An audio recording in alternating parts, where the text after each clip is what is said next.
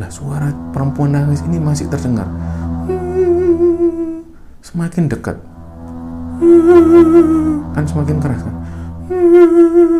Jadi dia tahu bahwa perempuan ini kayaknya semakin dekat ke arah mendekati tenda gitu semakin dekat semakin dia itu ada di belakang tenda nangis gitu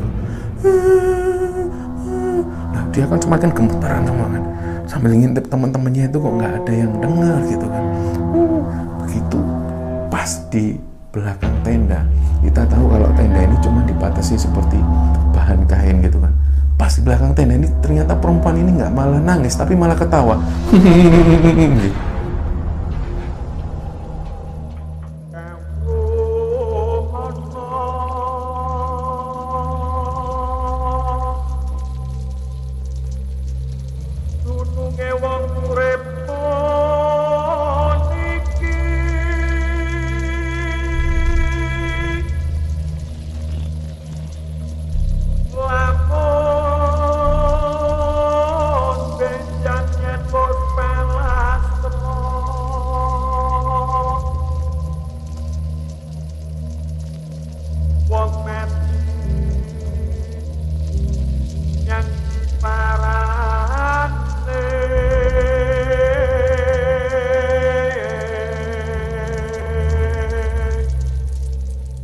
Assalamualaikum warahmatullahi wabarakatuh. Sobat Kembara Sunyi di mana pun kalian berada Jumpa kembali dengan kami Kembara Sunyi Di mana kita akan berbagi kisah pengalaman mistis.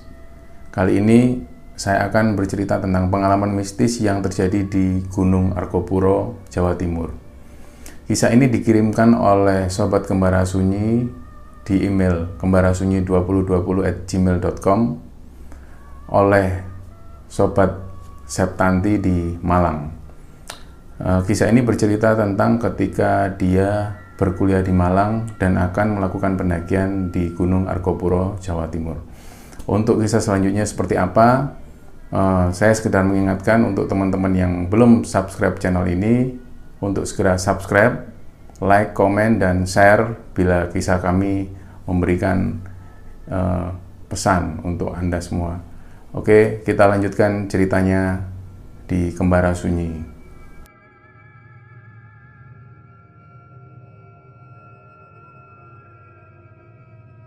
Ini ada email yang masuk dari sobat Kembara Sunyi yang bernama Septanti. Eh, dia mau menceritakan tentang pengalaman dia waktu eh, mau naik ke Gunung Argopuro bersama teman-temannya. Nah, kita tahu bahwa Gunung Argopuro itu ada di Jawa Timur, tepatnya di ada dua jalur memang. Bisa melalui jalur Bremi atau jalur Baderan.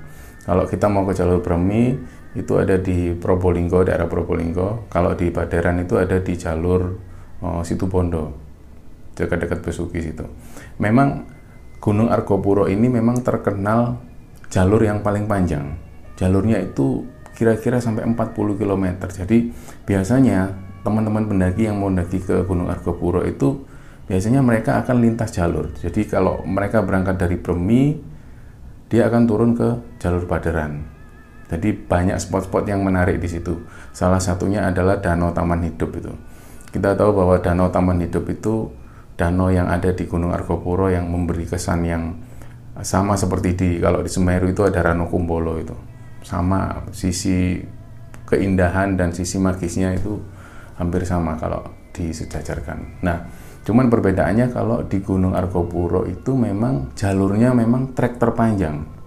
Treknya itu panjang sekali. Jadi kalau biasanya kita di Gunung eh, Semeru atau Arjuna itu kita cuma naik dan turun kaki. Tapi kalau di Argopuro itu biasanya mereka ya itu tadi lintas itu tadi 40 km dan memang di sana masih terkenal eh, binatang-binatang yang liar seperti kijang, babi hutan, rusa dan lain-lain termasuk merak itu. Oke. Jadi si Septanti ini awalnya di tahun 2015 itu dia diajak oleh temannya. Temannya ini namanya Aldion. Dia bilang ke Septanti, "Yuk, aku pengen naik Gunung Argopuro." Dia ngajak si Septanti ini. Tapi karena si Septanti ini tahu bahwa bulan Oktober tahun 2015 itu Argopuro sempat kebakaran kan Jadi waktu itu memang banyak gunung yang lagi kebakaran karena musim kemarau yang tinggi-tingginya. Di Lawu kan juga kebakaran di tahun yang sama itu. Jadi dia agak ragu untuk diajak berangkat itu sebenarnya dia sudah ada keraguan dari awal. Terus akhirnya si Septanti ini uh, diskusi sama pacarnya. Dia bilang kalau uh, Mas aku diajak si Aldion mau naik gunung sama siapa aja, sama pacarnya, sama adiknya juga gitu. Pokoknya dari Malang itu mereka berangkat lima orang gitu. Lah si pacarnya bilang gini cobalah izin ke bapak aja dulu izin ke bapakmu. Siapa tahu nanti kalau memang diizinkan ya sudah berangkat aja nggak apa-apa. Singkat cerita sih nanti izin ke bapaknya. Dia lewat uh, eh, WA itu dia bilang pak boleh nggak saya mau naik ke Argopuro? Gitu. Nah bapaknya jawab uh, loh bukannya habis kebakaran itu kok kamu naik apa memang nggak resiko? Wis mending nggak usah. Bapaknya ngasih jawaban seperti itu. Akhirnya dia semakin ragu. Waduh kalau nggak berangkat ini ya juga eman kepingin ke Argopuro apalagi ini teman apa koncoplek lah istilahnya gitu yang ngajak ini koncoplek gitu loh. Jadi dia benar-benar dalam situasi keraguan. Lah nggak tahu kenapa tiba-tiba si nanti ini buka websitenya Argopuro gitu dia coba iseng-iseng lihat Argopuro ini gunungnya seperti apa, terus jalurnya lewat mana aja gitu. Benar-benar dia memang e, baru meraba-raba untuk mau naik ke Gunung Argopuro. Jadi ketika dia buka website itu nggak tahu kenapa dia itu tiba-tiba ngisi di kolom komentar itu, eh aku dua hari lagi ke sana loh, dia ngisi gitu. Nah kebetulan komentarnya dia ini direspon sama ada pendaki dari Bali, dari Surabaya, dari Jakarta itu ngerespon, loh kita juga bareng gimana gitu. Maksudnya bareng satu kelompok gitu loh. Jadi akhirnya ketika dia komen seperti itu, dia agak seneng dong. Karena waduh dapat teman lagi deh gitu. Dapat teman akhirnya coba dia izin kedua kalinya ke bapaknya. Pak, aku pengen naik ke Argopuro pak. Ini aku banyak teman yang ikut gitu loh. Nggak hanya teman-teman dari Malang tapi ada dari Bali, Surabaya sama Jakarta. Ya wes akarmu, bapaknya bilang seperti itu jawabannya. Nah, dia berpikir mumpung bapaknya ngasih izin, nah dia nggak mau izin ke ibunya karena kalau dia izin ke ibunya otomatis nggak boleh. Akhirnya dia cuma berbekal izin dari bapaknya, dia mulai mempersiapkan untuk berangkat ke Argopuro itu. Jadi Hamin satu itu dia mulai belanja-belanja keperluan dan lain-lain itu. Akhirnya kelompoknya berangkat dari Malang di hari H itu jam 8 malam itu mereka berangkat menuju ke Probolinggo. Sampainya di Probolinggo di terminal itu karena janjian dengan teman-teman dari Bali, dari Surabaya dan dari Jakarta. Akhirnya mereka stay di situ. Jadi nyampe di terminal Probolinggo sekitar jam 11 malam mereka tidur di uh, dekat-dekat warung-warung yang kosong itu. Mereka tidur di situ gelar tikar itu tidur di situ. Pagi harinya baru ketemu teman-teman dari Bali dari Surabaya dari Jakarta ngumpul di terminal Probolinggo itu. Akhirnya mereka berangkat dari terminal Probolinggo bareng-bareng. Jadi dari Bali ada tujuh orang terus dari Surabaya ada tiga orang dari Jakarta ada satu orang. Dan grupnya si Septanti dari Malang ini ada lima orang berangkatlah mereka menuju ke Bermi. Mereka ngambil jalur Bermi di Probolinggo. Dari terminal Probolinggo itu mereka harus naik bus kecil gitu, yang operasinya dari uh, dari Probolinggo ke Bermi itu cuma dua kali sehari memang, bis kecil gitu. Dia naik ke sana, seret. Begitu nyampe di lokasi di Bermi itu, karena memang tidak uh, ada pos perizinan ya. Kalau jadi kalau kita mau naik ke Argopuro lewat Bermi itu memang harus izin ke kantor polisi atau ada di kayak pos pos apa ini pos perizinan tapi rumah warga yang memang menyediakan tiket juga. Tapi kali itu mereka milih ke kantor polisi. Ada pos polisi di situ mereka izin untuk melakukan pendakian. Oke, setelah ngurus perizinan mereka makan siang. Jadi rame-rame makan siang, uh, dari beberapa orang ini mereka pesan makan ayam goreng. Nah, beberapa di antaranya pesan ayam bumbu Bali gitu Jadi menunya itu dua itu rame-rame gitu makan itu. Nah, kebetulan si Septanti ini dia pesen ayam Bali, ayam bumbu Bali. Ketika dia makan, itu ada keanehan di situ. Jadi di tengah-tengah dia makan itu hampir separuh mau habis itu dia ngerasa ada yang uh, terselip di sini gitu loh. Apa kok dirasakan nggak enak? Begitu dikeluarin itu ternyata ada ulat belatung yang dimakan. Nah sontak dia kan kaget kan. Terus nasi itu diudek-udek ini ternyata banyak ulat belatung di situ dia lari ke toilet sambil muntah-muntah lah temennya sih sama cewek ini nyamperin kamu kenapa sambil muntah-muntah dipijet kan lehernya wah makanan gua ada ulat belatung ya tolong lihatan tolong lihatan wah udah muntah jadi dia tuh muntah terus apa ini? Bingung mau ngapain gitu. Jadi teman-temannya mijetin yang cewek-cewek itu. Nah begitu salah satu temennya ini ngecek makanannya ini tidak ada sama sekali ulat belatung. Satu pun tidak ada. Karena logikanya apa? Yang pesan e, masakan bumbu ayam bumbu Bali ini kan nggak hanya si Sepanti, tapi beberapa orang juga pesan menu yang sama. Jadi memang yang merasakan ada ulat belatung cuman si Sepsanti ini. Nah, ketika setelah muntah itu dia cek lagi makanannya ternyata iya nggak ada, tapi akhirnya dia kan nggak mau makan kan, udah selesai makannya. Terus awalnya dia kepikiran, kepikiran tapi dipikir positif ya udahlah mungkin halusinasiku aku capek atau gimana yang semalam tidur di terminal itu kan. Akhirnya mereka melanjutkan perjalanan selepas duhur sekitar jam setengah satu siang itu mereka mulai jalan. Mulai jalan untuk masuk ke hutan Argopuro itu tadi. Jadi dari warung makan itu mereka melewati hutan-hutan eh, kebun-kebun warga. Di situ ditanami mau tanaman kopi, jagung gitu kanan kiri gitu. Masih masih masih belum rapat lah hutannya.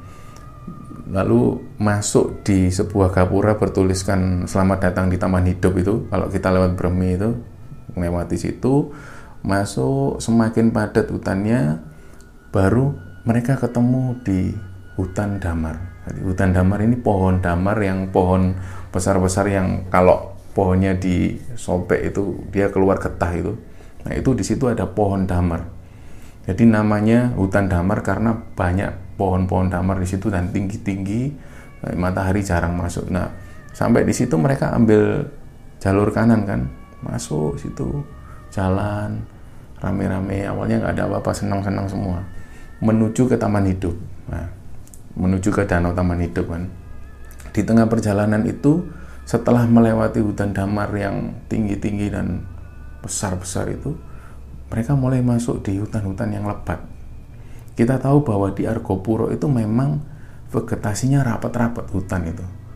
Eh, kita akan menemui jalan-jalan setapak yang naik turun eh, gundukan-gundukan dan setapak kanan kiri itu hutan-hutan yang lebat dan sering kali memang terdengar uh, ada suara babi hutan kadang itu ada jejak kaki rusa kadang juga macan juga di situ karena memang masih banyak hewan hewan-hewan liar di situ. Jadi setelah mereka melewati hutan damar ini tadi, hujan mulai turun. Hujan mulai turun, mereka mulai pakai jas hujan. Jadi perjalanan itu melewati hutan itu tadi menuju ke taman hidup itu baru mereka sampai di taman hidup danau taman hidup itu sekitar jam 5 sore jam 5 sore ketika hujan sudah mulai reda, mereka nyampe di Taman Hidup. Jadi di Argopuro itu memang terkenal ya danau Taman Hidup itu. Jadi sebuah danau yang uh, cantik gitu kan. Memang sejarahnya mitosnya dulu itu kalau kita membaca sejarah itu memang dulu di situ di Argopuro itu sendiri ada sebuah legenda yang Dewi Rengganis yang hilang bersama dayang-dayangnya di situ kan. Jadi di masa-masa kerajaan itu memang seperti itu dan mitosnya ketika kalau dia terusik gitu dia itu sering menyesatkan pendaki gitu loh. Nah, jadi di taman hidup itu juga ada sebuah kepercayaan ketika kalau mereka sudah sampai di taman hidup danau taman hidup itu dan kalau mereka membuat keributan atau misalnya berteriak maka kabut ini akan datang kabut ini tebel akan datang dan itu sampai hari ini masih terjadi Nah, kala itu begitu mereka sampai, mereka masak-masak mie, persiapan.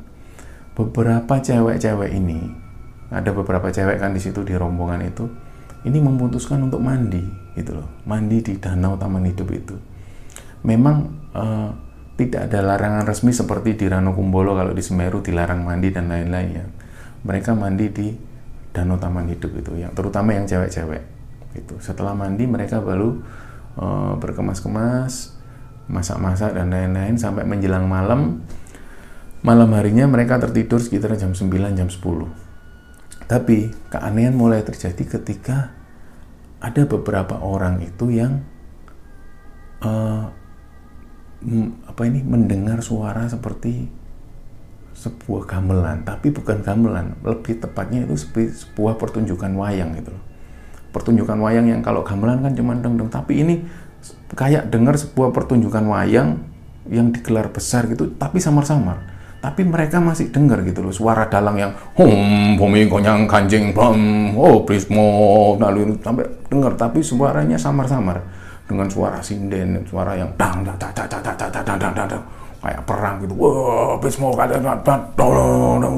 jadi dengar samar-samar tapi beberapa memang ada yang takut tapi ada yang nggak takut ada yang menganggap itu ini ucapan selamat datang untuk kita gitu loh para pendaki kalau ada pertunjukan wayang gitu jadi mereka menikmati sampai menjelang subuh itu suara samar-samar kayak pertunjukan wayang itu terdengar gitu Tapi mereka menikmati, nggak diambil uh, untuk sebuah ketakutan, enggak. Tapi mereka menikmati bahwa oh mungkin ini sambutan selamat datang untuk kita gitu.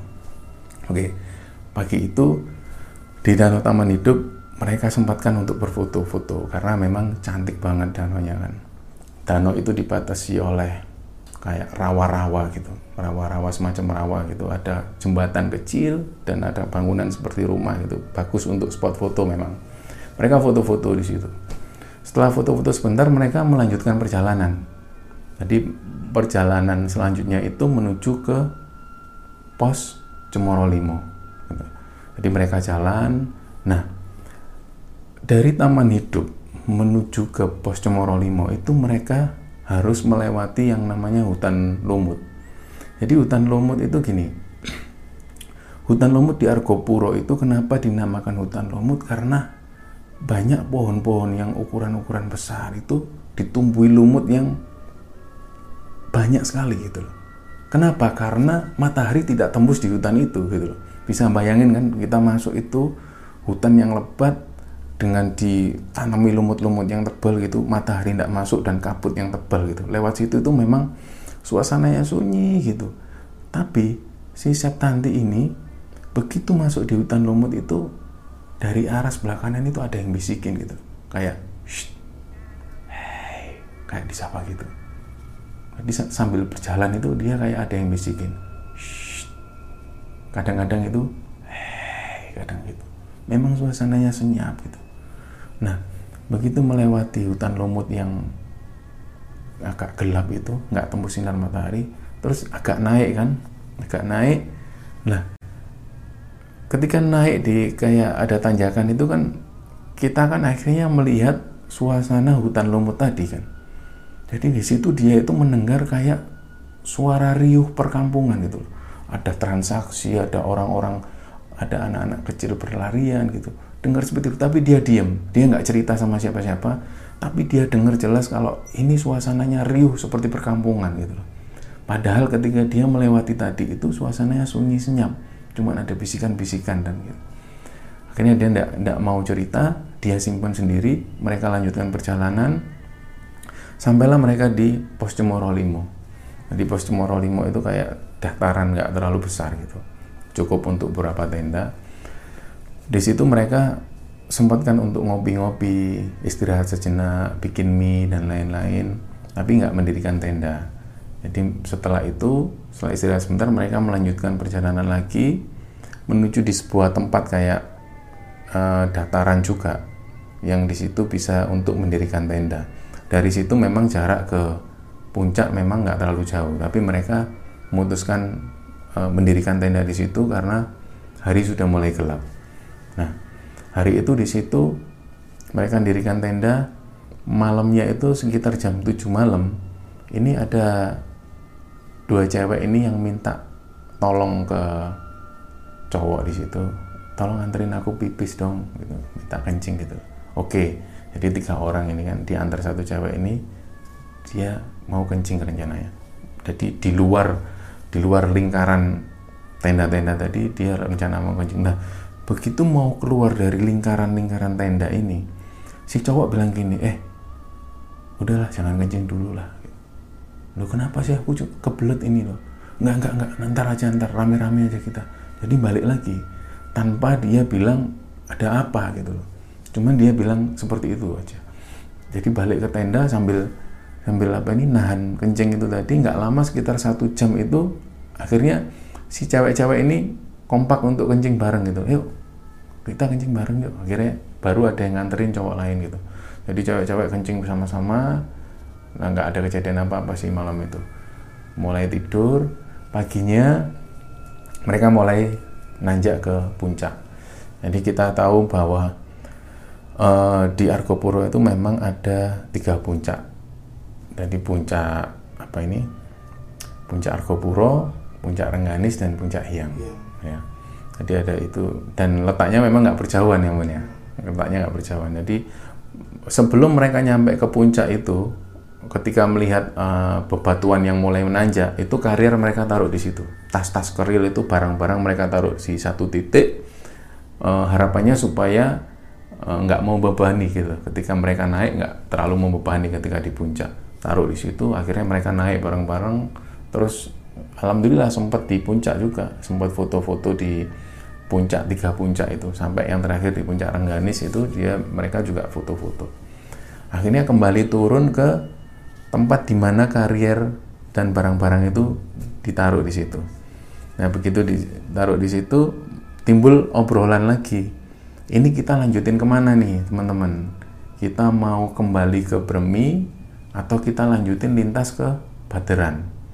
Akhirnya mereka sepakat udahlah lanjut ke Baderan aja lah gitu. akhirnya mereka sepakat. Nah, seneng kan ini si Septanti ini seneng karena oh seneng rek nambah teman baru gitu kan. Terus perjalanan yang baru memang e, mereka ini memang baru pertama kali naik ke Argopuro apalagi via Bremi. Dan si pacarnya Aldion ini yang si Ayu ini memang malah pertama kali dia merasakan naik gunung. Sebelum-sebelumnya tidak pernah naik gunung. Oke lah dari situ mereka berangkat menuju ke Cikasur. Cikasur. Jadi mereka menuruni kayak uh, lembah gitu kan, lembah-lembah gitu. Terus setelah itu nggak lama mereka ketemu di Cisentor. Nah sebelum ke Cikasur mereka bermalam di Cisentor gitu loh di Sentor ini memang ada sumber air dan ada satu satu bangunan kayak bangunan dari kayu gitu. Ukurannya bentuknya kayak pos kamling tapi agak besar gitu. Itu cukup untuk menampung beberapa orang yang tidur di situ. Nah, karena rombongan mereka ini 15 orang dan mereka ini bawa tenda yang kapasitasnya ini ukuran untuk 8 orang gitu loh. Jadi 5 tenda dipasang di situ semua. Dengan satu tenda itu kapasitas 8 orang. Tapi tiga tenda ini tidak diisi alias dikosongkan karena uh, mereka lebih memilih tidur di rumah kayu itu. Jadi ada kayak rumah kayak bangunan kayu lah di situ. Biasanya tidur di situ mereka. Nah, malam itu si Septanti itu ketika ngumpul-ngumpul bareng teman-teman ngopi kan di situ sebelum sebelum tidur itu ngopi bercanda-bercanda di Cisentor itu si Septanti ini ngerasa kayak selalu ada yang ngawasin gitu loh jadi dia itu ngerasa nggak nyaman ya? Kita tahu lah kalau ada orang yang ngelihat atau ada yang ngawasi itu kan kita selalu nggak nyaman kan gitu. Nah si Septanti ini ngerasa kok aku kok kayak ada yang ngawasi gitu kayak ada yang ngelihat dari sana ada yang ngelihat dari atas gitu kan. Nah akhirnya dia bilang ke Ayu ini tadi salah satu rombongan cewek ini dia bilang Mbak Ayu aku kok ngerasa ada yang ngawasi ya? Kok nggak nyaman gitu aku di sini? Nah si Ayu bilang udahlah nggak usah aneh-aneh gitulah. Kita ini di tengah hutan udah nggak usah ngomong aneh-aneh gitu. Yuk mbak kita tidur dulu aja yuk masuk tenda yuk. Akhirnya ya wes aku juga nggak nyaman gitu. Akhirnya mereka masuk tenda. Mereka masuk tenda tapi masih denger. Oh teman-teman masih ngobrol-ngobrol bercanda-bercanda gitu. Lama kelamaan ini mulai masuk satu persatu. Mulai masuk ke jadi satu tenda yang di Septanti ini ada lima orang. Ada lima orang di situ tapi beberapa yang tiga tenda ini kosong mereka tidur di rumah kayu itu tadi. Jam 11 itu masih dengar suara mereka bercanda-bercanda mainan center nyenter-nyenter tenda itu masih dengar lah.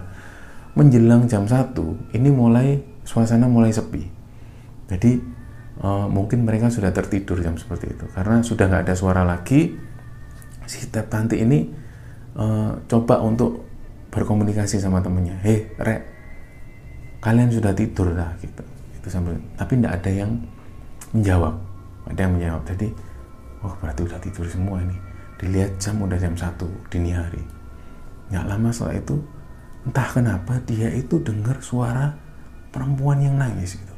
Dari dari arah kejauhan itu dengar perempuan yang nangis gitu.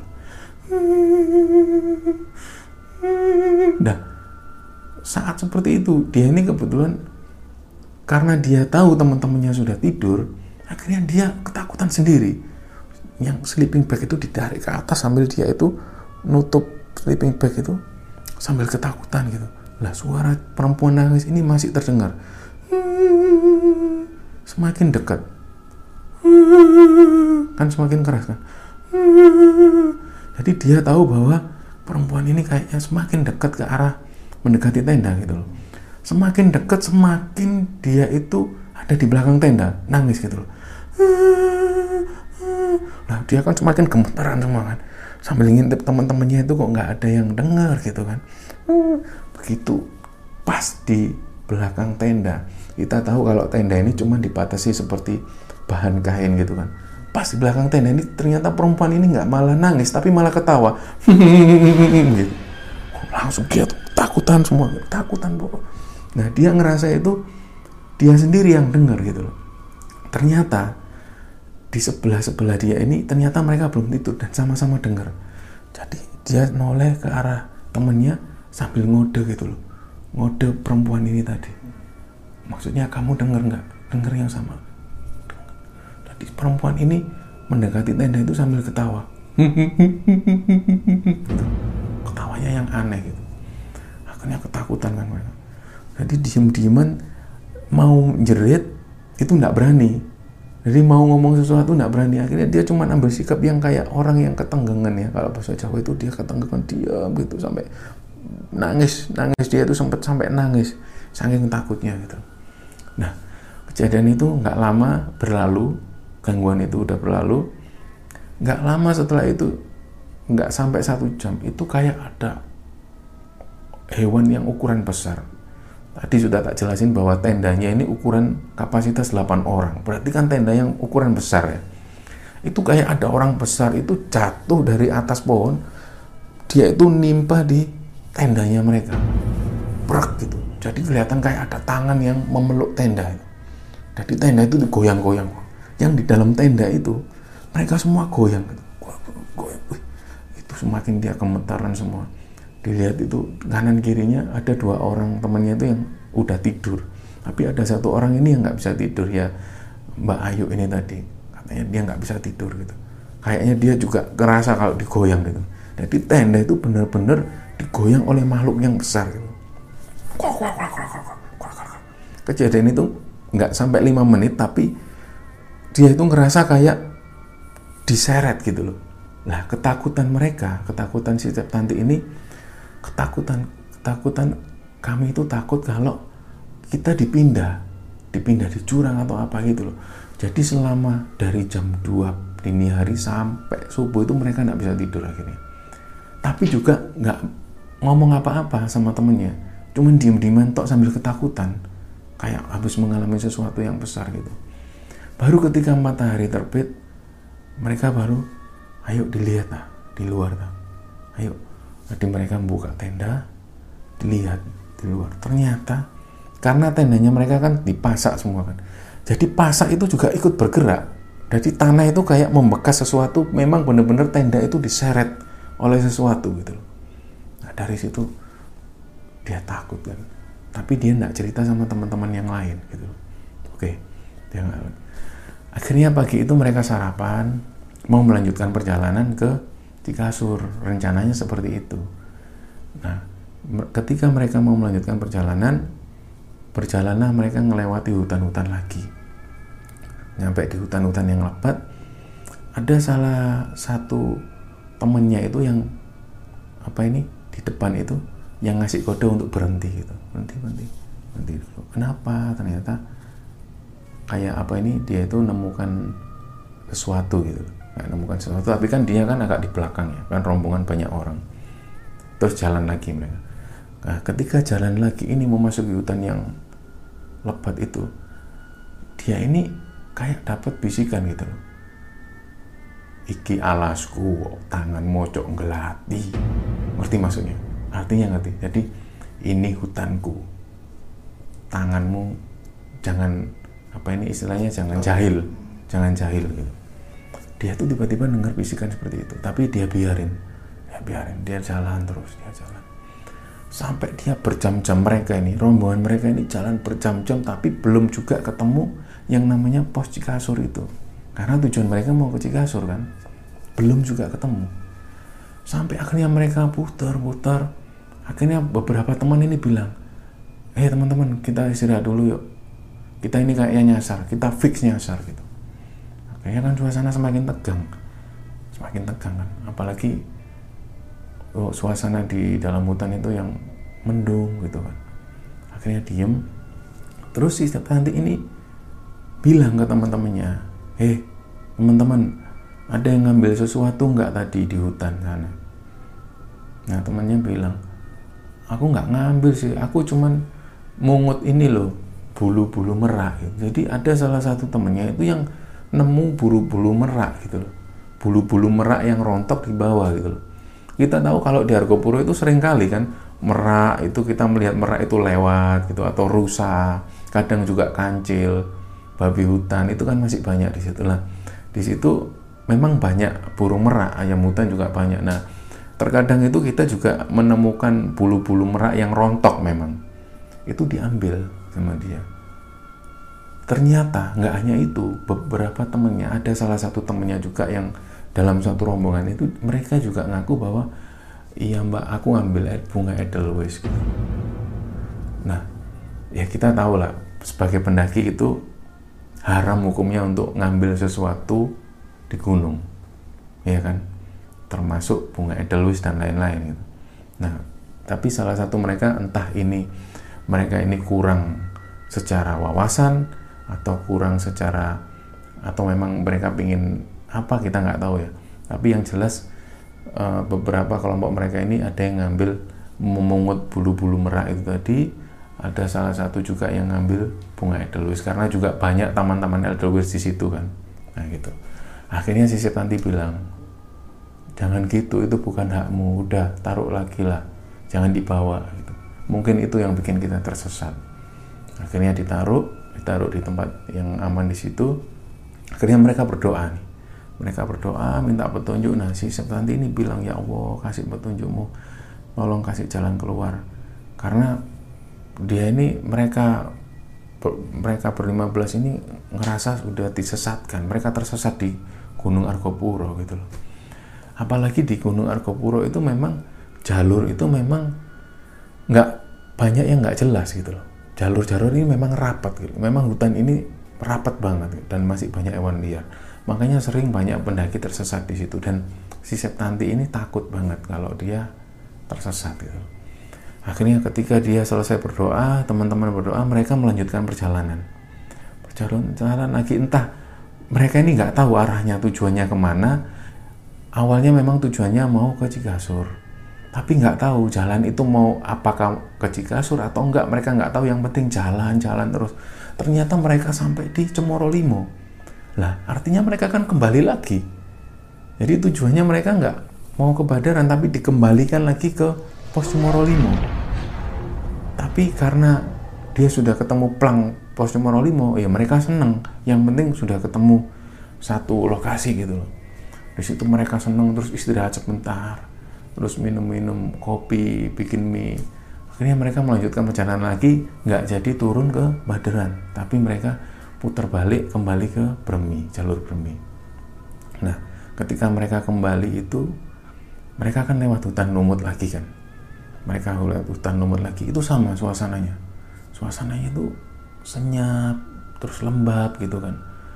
Ada juga bisikan-bisikan itu yang bisikan-bisikan gitu nah setelah melewati uh, hutan lumut itu itu mereka sampai di pertigaan yang ada plang taman hidup. Jadi ada plang yang kalau ke taman hidup mereka harus belok sini gitu ada plang itu. Mereka sampai di situ itu jam 5 sore. Nah dari dari plang pos taman hidup itu menuju ke pos perizinan Bermi itu kan makan waktu sekitar 4 sampai 5 jam lagi. Sedangkan pada waktu itu sudah jam 5 sore gitu loh. Ayo kita cepet-cepetan yuk karena uh, nanti keburu gelap gitu loh. Akhirnya ya udah yuk jalan mereka. Jalan lagi di tengah perjalanan itu mereka kayak ketemu jalan yang apa ya jalan tanah yang kanan kiri itu hampir seukuran pundak itu tebing gitu. Jadi jalannya sempit menyempit gitu. Nah si Septanti ini ngerasa perasaan tadi nggak lewat sini deh. Tapi kok kayak jalannya itu kayak gini gitu loh. Kayak menyempit kayak tebing gitu loh. Nah di jalan itu akhirnya dia itu si Mbak Ayu ini dia itu ngerasa kayak diikutin sesuatu gitu loh. Tapi memang semua dengar ada kayak lolongan anjing. Wow dan ada suara cewek yang beberapa hari kemarin itu yang ketawa itu itu juga ngikut gitu. Akhirnya si Ayu ini bilang karena dia ini pendakian pertama di gunung ya dia bilang udah aku capek aku nyerah. Dia bilang gitu. Nah kan teman-temannya ngerasa lo ini keburu malam ayo kamu nggak usah manja gitu loh. Kamu ngerepoti teman-teman yang lain gitu. Terutama pacarnya si Aldian ini. Ayo cepetan gitu loh. Jadi timbul kayak sedikit konflik di situ yang aku capek udah aku nyerah aku tinggalan nggak apa-apa gitu. Karena dia bilang seperti itu aku nyerah gitu. Akhirnya dimotivasi sama temannya ayolah ini udah mulai gelap loh. Kita belum juga nyampe kita mau nyampe jam berapa? Kita nanti nggak tahu ada kejadian atau gangguan apa lagi. Sementara saat posisi seperti itu nih suara cewek yang itu kadang itu lewat. Ketawa gitu lewat terbang. Suara anjing yang gonggong gitu jadi ini suasana kan mulai menjelang gelap suasana maghrib ya. Kita tahu bahwa uh, menjelang maghrib itu memang energi energi jin ini kan memang lagi tinggi tingginya ya. Lagi tinggi tingginya jadi begitu mereka uh, lewat di hutan yang tebing seperti itu dengan kondisi yang ayu yang sudah menyerah gitu kan. Udah aku lelah aku pengen di sini aku nyerah. Dia bilang gitu. Tapi teman-temannya memotivasi ayolah ayo gimana caranya ayo tasmu dibawain atau gimana? Akhirnya dia bangkit lagi. Bangkit lagi dengan agak pelan itu jalan lagi masuk hutan. Semakin gelap mereka nyalain lampu. Nah di antara kegelapan yang seperti itu ini ada salah satu orang cowok. Dari salah satu rombongan ini yang cowok itu dia tiba-tiba itu hampir masuk ke jurang. Dia itu jatuh.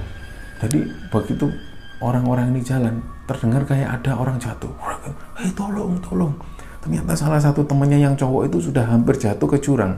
Untungnya dia itu kayak pegangan pohon gitu loh. Kayak ranting pohon yang akar-akar pohon itu. Jadi kalau kepleset sedikit aja dia sudah jatuh ke jurang dan mati. Tapi ketika dibantu sama teman-temannya dia berhasil naik lagi terus agak sok kan. Agak sok akhirnya dituntun pelan-pelan tuntun pelan-pelan. Suasana sudah mulai nggak enak semua. Udah gelap posisi capek dan lain-lain kan.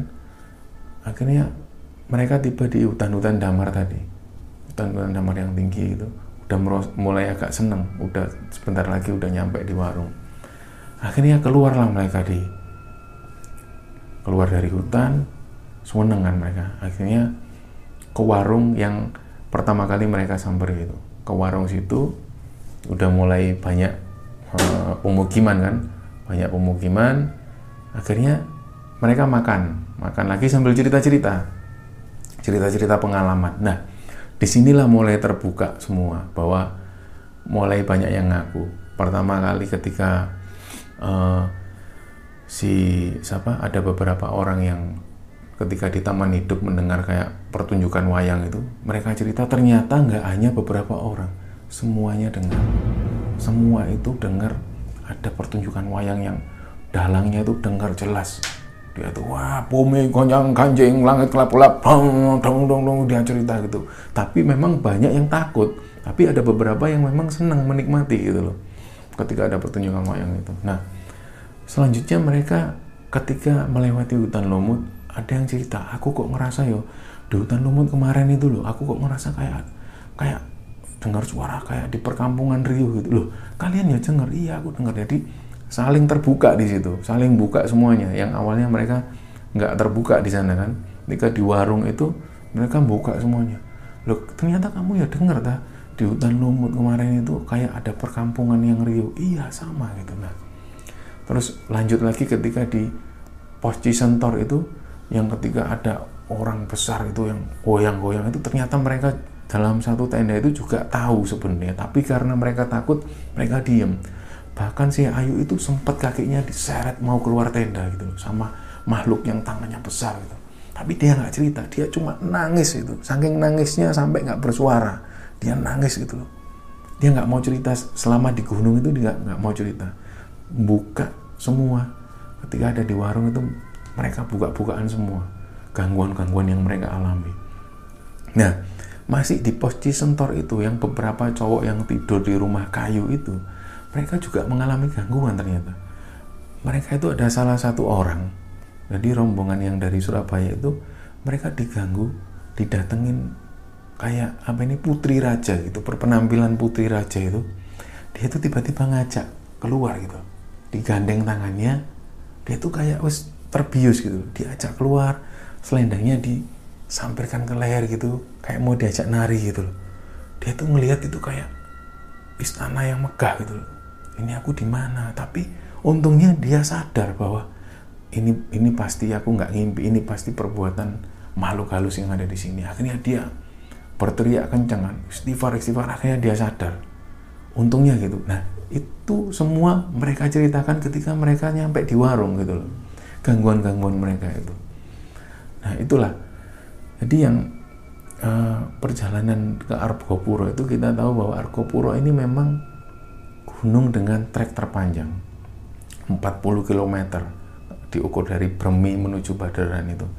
Dan kita harus ambil hikmah di sini bahwa kalau ketika kita di gunung udahlah jangan ambil sesuatu lah. Jangan meninggalkan sesuatu kecuali jejak. Jangan ngambil sesuatu kecuali gambar gitu kan ini memang harus kita terapkan tapi eh, lagi-lagi uh, memang ini perlu perlu edukasi lagi kepada para pendaki bahwa selain juga pembekalan untuk diri kita, memang sebenarnya sih kalau ada istilah kan memang sama ini, kalian kalau di gunung jangan mesum loh. Sebenarnya logikanya seperti ini, di mana pun kita nggak boleh mesum. Kenapa harus hanya di gunung gitu loh? Di mana pun kita nggak boleh mesum sebenarnya. Ada istilah jangan buang sampah di gunung. Loh sebenarnya kita nggak boleh buang sampah sembarangan di mana pun. Kita harus jaga lingkungan. Namanya alam ini ya semua kita jaga lingkungan kita bersih nggak hanya di gunung gitu loh kenapa kok nggak boleh musim tapi di gunung sebenarnya di mana pun kita nggak boleh musim nggak boleh melanggar uh, aturan-aturan uh, agama dan norma-norma yang berlaku gitu loh cuman karena di gunung itu ya etika kita lebih harus kita jaga gitu loh meskipun yang kejadian tadi dari teman-teman ini kita ambil pelajaran bahwa meskipun bulu merak itu memang rontok gitu loh tapi kalau memang kita nggak punya kepentingan ya mendingan nggak usah diambil apalagi tentang bunga edelweiss gitu loh. Kita tahu bahwa bunga edelweiss itu bunga yang dilindungi gitu kan. Haram hukumnya kita sebagai pendaki itu ngambil bunga itu gitu. Cukup kita nikmati. Alam ini cukup kita nikmati, kita jaga jangan sampai alam yang sudah bagus malah kita kotori dengan adanya kita gitu loh. Harusnya kita menjadi uh, apa ini uh, sebagai pelindung lah gitu loh. Pelindung atau minimal sebagai penikmat lah. Kita sudah menikmati alam. Kita harus bersyukur bahwa di Argopuro itu masih masih terang kita bisa melihat merak jalan. Kita kadang juga bisa melihat rusa kadang-kadang juga ada jejak macan. Harusnya kita bersyukur bahwa hewan-hewan ini masih ada masih belum punah. Sementara di daerah-daerah lain sudah banyak yang punah gitu loh. Akankah anak-anak cucu kita masih bisa melihat gitu loh kalau kita berkelakuan yang buruk terhadap alam? Misalnya kita berlaku buruk pada alam akhirnya yang membuat hewan-hewan yang ada di situ tidak nyaman akhirnya pergi. Kita sendiri yang rugi sebagai manusia. Anak-anak cucu kita nggak bisa menikmati itu gitu loh.